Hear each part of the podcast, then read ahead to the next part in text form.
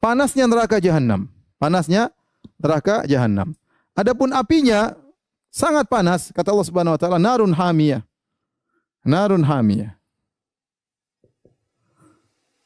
Apa narun hamiyah? Artinya api yang dipanaskan. Jadi api sudah panas, dipanaskan terus oleh Allah. Terus sekarang neraka sudah ada dan dipanaskan, dipanaskan, dipanaskan sampai mencapai puncak yang sangat panas.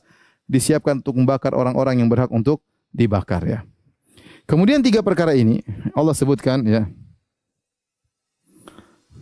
Fa ashabu shimali ma ashabu shimal fi samumi wa hamim wa dhillim yahmum la baridi wala karim.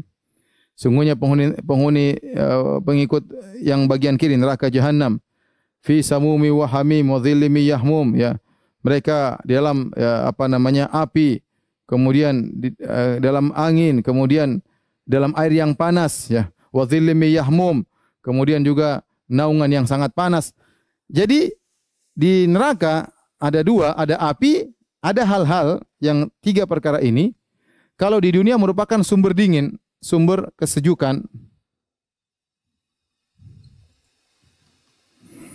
Di dunia tiga perkara ini kita cari kesejukan apa? Cari angin, angin sepoi-sepoi.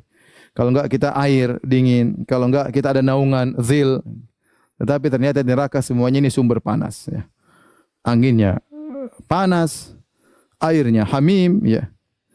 Kalau diminum melelehkan seluruh anggota tubuh, usus-usus menjadi hancur, ya. Naungan juga asap yang tebal yang panas kalau kita mau bilang kalau seperti di kalau di Gunung Merapi ada namanya Wudus Gembel yaitu api asap tapi bisa sampai 800 derajat kalau mengenai orang langsung hangus. Di neraka juga ada sisaan seperti itu, bukan sekedar api angin yang sepoi-sepoi yang menghembus sangat panas. Airnya juga sangat panas. Ya.